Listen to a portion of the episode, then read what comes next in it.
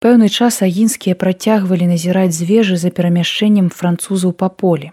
Дядька паспеў колькі разоў накіраваць сваю стрэльбу ў бок мерцвякоў. Адзін раз ён нават пацэліў. Куля, чмякнуўшы, увайшла ў бок жаўнера, але той амаль не адчуў удару. Трохі пахіснуўся і пайшоў далей грэбсці ботамі бруд. Увогуле памерлыя французы амаль не звярталі ўвагі на тое, што адбывалася вакол іх. Прынамсі, так здавалася на першы погляд. Коннік, на дарозе коннік! Даляцеў вокліч з замкавай брамы. Хадзем, страпянуўся стары граф. Паглядзім, што здарылася. Дядька з пляменнікам і служкам жвава выбраліся з вежы. Перад брамою і над ёй сабраліся дваровыя. Адзін з мужчынаў, што быў зверху махаў рукамі і крычаў: сюды едь хутчэй сюды ты что там такое дядька перадаў сваю стрэльбу аднаму са слух і па драбіне залез на надбрамную пляцоўку міхал паспяшаўся за ім вялейскім гасцінцам ад лесу спакойна ехаў вершнік агінскі які прыхапіў з сабой падзорную трубу заўважыў на полі за дарогай некалькі цёмных фігур мёртвыя жаўнеры цяпер былі паўсюль коннік не звяртаў на іх увагі не чуў ён і вокрыкаў з замка. Эгэй, на кані! — крыкнуў слуга. Гэтым разам вершнік, здаецца, пачуў, што да яго звяртаюцца. Ён прыпыніўся, развярнуўся да замка і падняў руку у прывітальным жэсце. У гэты момант фігуры на полі заварушыліся. Міхал не чакаў ад мёртвых такога спрыту.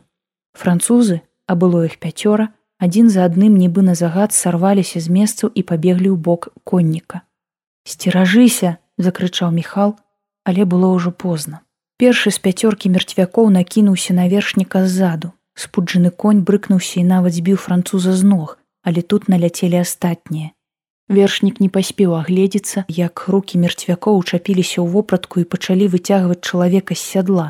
Французы імкліва накінуліся на зрынутага долу конніка.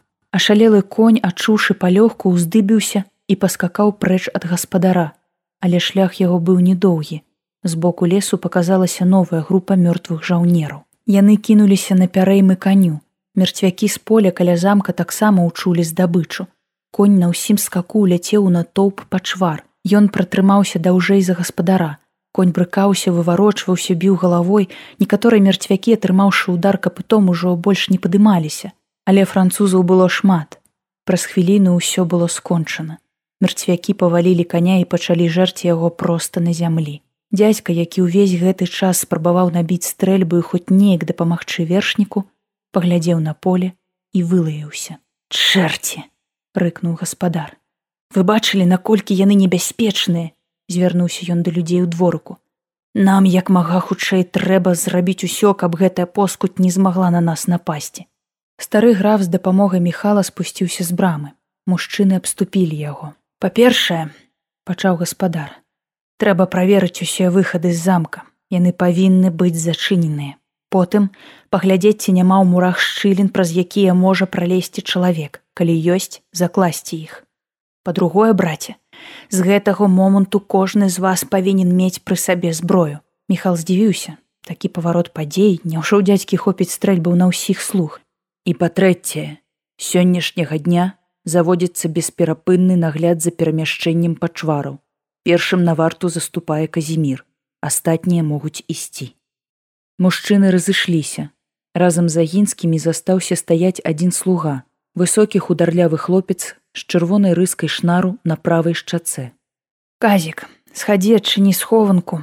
Там выбераш сабе стрэльбу на свой густ. Дядька пачакаў пакуль слуга адыдзецца і павярнуўся да пляменніка. У вачах старога графа блішчэў агенчык маладжавай гарэзлівасці На твары міхала чыталася непаразуменне.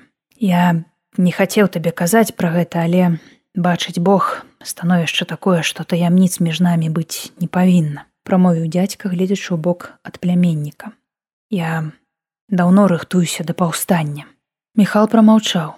Дядзька закінуў стрэльбу за плячом, узяў пляменніка за локаць і рашуча павёў у бок стайні. Ведаеш, міхале, пачаў граф. У нас у мяне і некаторых маіх сяброў дык вось у нас быў пэўны спадзеў на наполеонаў тым што удасся паўплываць на яго ў пытанне адраджэння нашай дзяржавы дарэчы ён быў тут у мяне михала кругліў вочы Так, я меў размову з імператарам Францыі, але ведаеш, пасля той размовы я зразумеў, што Наполеон нам не памочнік. Ён быў занадта захоплены ідэю усесветнага панавання, каб яшчэ рабіць ласку нейкім ліцвінам. Дядька хмыкнуў. Натуральна, знайшліся іх тыя, хто пайшоў за ім, але ты і сам бачыш, чым усё скончылася. Граф махнуў рукою бок поля, дзе мёртвыя жаўнеры даядалі небараку вершніка. Мы вырашылі дзейнічаць самастойна. Гартаваць сілы і чакаць моманту, калі можна будзе іх выкарыстаць. Усе мае слугі, якіх ты бачыў міхале, усе яны са збяднелай шляхты і толькі дзеля прыліку прыслугоўваюць мне. Напраўду ж, усе яны мае браты, браты па зброі, браты па змаганні, браты па ідэі. А шыдлоўскі, якога ты ведаеш з дзяцінства, стары мой паплечнік ва ўсіх справах, у тым ліку і ў антыімперскіх. Дядька усміхнуўся. Міхале, я спадзяюся, ты мяне зразумееш. Бог мой дядька, чаму ты не сказаў раней? Міхал распаліўся не на жарт. Ты ж ведаеш, што літва не пусты гук для мяне. Шмат хто з маіх сяброў лічыць цябе здраднікам, спакойна адзначыў стары граф. Так, няхай я і на імперскай пасадзе, але застаюся патрыётам сваёй радзімы. Міхал зменшыў запал. Я нават прапанаваў Александру ідэю адраджэння княства ў складзе імперыі, толькі вось праклятая вайна зблытала ўсе карты. Годзе, Михалі, годзе.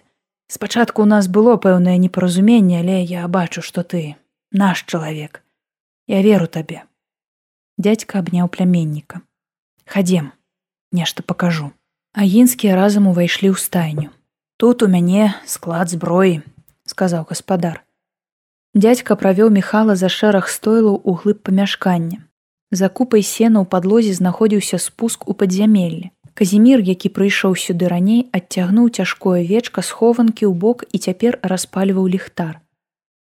Цьмяны праменчык святла з цяжкасцю прадзіраўся скрозь паўзмрок стайні. Гаспадар прыняў свяцільню з рук казіка і першым пачаў спуск пляменнік рушыў следам.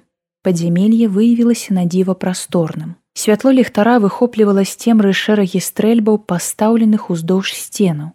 Шаблі, афіцэрскія шпагі і салдацкія цісакі хрувасціліся ў перамежку проста на падлозе.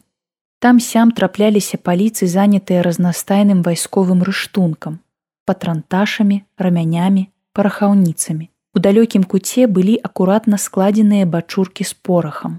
Міхал не здзівіўся, калі пабачыў у схованцы невялікую гармату і горку ядраў да яе. Дядзькавым арсеналам можна было ўзброіць цэлы полк паўстанцаў. Большую частку гэтага дабра ўдалося здабыць нядаўна. Стары граф абвёў наўкола рукой з ліхтаром. Французы, калі адыходзілі мала рупіліся пра ваенныя скарбы. Жаўнеры забралі ў мяне коней, а я забраў у іх зброю злавесная усмешка сказіла твар дядзькі. Міхал падышоў да падстаўкі са стрэльбамі. Даўгія рулі ружаў завяршаліся вузкімі металічнымі штыхамі. Побач да сцяны былі прычэплены пістолі. Агінскі зняў адну з іх і ўзважыў у руцэ. Драўляная дзяржальня зручна змяшчалася ў далоне і прыемна халадзіла скуру. Міхал мімаволі прыгадаў момант, калі апошні раз страляў чалавека. У адным з баёў пад варшавай на зыходзе паўстання ён з такой самай пістолі трапіў рускаму салдату ў плячо. Расейца адкінула назад за ўмацаванне і больш міхал яго не бачыў. Той салдат хутчэй за ўсё выжыў. Бяры, калі падабаецца. Дядзька голас вырваў міхала з успаміну. Не развучыўся яшчэ страляць. Не, адгукнуўся пляменнік. Гаспадар падышоў да суседняй шафы з вайсковым рыштункам, пакорпаўшыся трохі сярод рэчаў стары граф нарэшце дастаў патрэбны патрантаж і кінуў міхалу здаецца гэты будзе для пістолі агінскі спрытна злавіў тальмах і накінуў на плячо дядзька прыхапіўшы яшчэ некалькі торбаў з рыштунку накіраваўся да выхаду. Ён выбраўся з падзямелля і развярнуўся каб пасвяціць пляменніку на сходы. Праз колькі імгненняў міхал быў ужо наверсе а вось гэта гаспадар паказаў накрыты вазок што стаяў у стайні ля сцяны мой апошні набытак. Цэлая фурманка з порахам з французскага абозу памятаеш калі ты толькі прыехаў я сварыўся на ерамея за тое што ён нібыта зерне мне перакуліў Дядька падышоў да воза і адкінуў полах накрыўкі. Напраўду ён зрынуў бонду з порахам, калі пераносіў яе адсюль схованку. Вось яно што. Міхал прыгадаў чорныя рукі конюха. Ну, як табе міхалі мае запасы? усміхнуўся дядька. Уражвае. Пляменнік заткнуў сваю пістолю запас. Шкада, што ў нас не так шмат людзей. Так, сапраўды, пачвараў нашмат болей, але я спадзяюся, што муры майго замка змогуць нас абараніць. Дядька з задуменнем паглядзеў на двор скрозь расчыненыя дзверы. З вуліцы даносіўся стук малатка. Мужчыны закладвалі бярвеннем і дошкамі выяўленую ў сцяне шчыліну. А колькі гэта цяпер часу? спахапіўся дядька. Ці не пара нам абедаць. Хадзем міхалі, я загадаю, каб накрывалі малы стол, харчавацца будзем па чарзе. Ля выхаду гаспадар спыніўся і павярнуўся да казіміра, які падымаўся з падзямелля са стрэльбай у руцэ. Казік слухае, а падымі ты яшчэ стузін ружаў. Няхай на ўсялякі выпадак пастаяць набітае пасярод двара і на браму потым стань назіраць. Я скажу кірэю, каб падмяніў цябе праз гадзіну. Агінскі пакінуў стайню. Апынуўшыся ў палацы міхал накіраваўся да пакоя ўслух. Хачу паглядзець, як там ерамей, сказаў ён дзядзьку. Добра. Гаспадар пакрочыў да кухні. У калідоры панавала цішыня. Усе мужчыны працавалі на двары, а жанчыны займаліся гатаваннем у другім баку будынка. Міхал падышоў да конюхавага пакоя і лёгка пастукаў. Ніхто не адказаў. Ахінскі асцярожна, каб не рыпнулі завесы, пасунуў дзверы і зазірнуў унутр. Адзінае акно ў пакойчыку было завешанае кавалкам тканіны. У цені пад акном стаяў ложак хворага. Міхал угледзеўся. Тое, што ён спачатку прыняў быў за постаць ерамея, выявілася ўсяго толькі гурбай скамечанай бялізны. Конюха ў пакоі не было.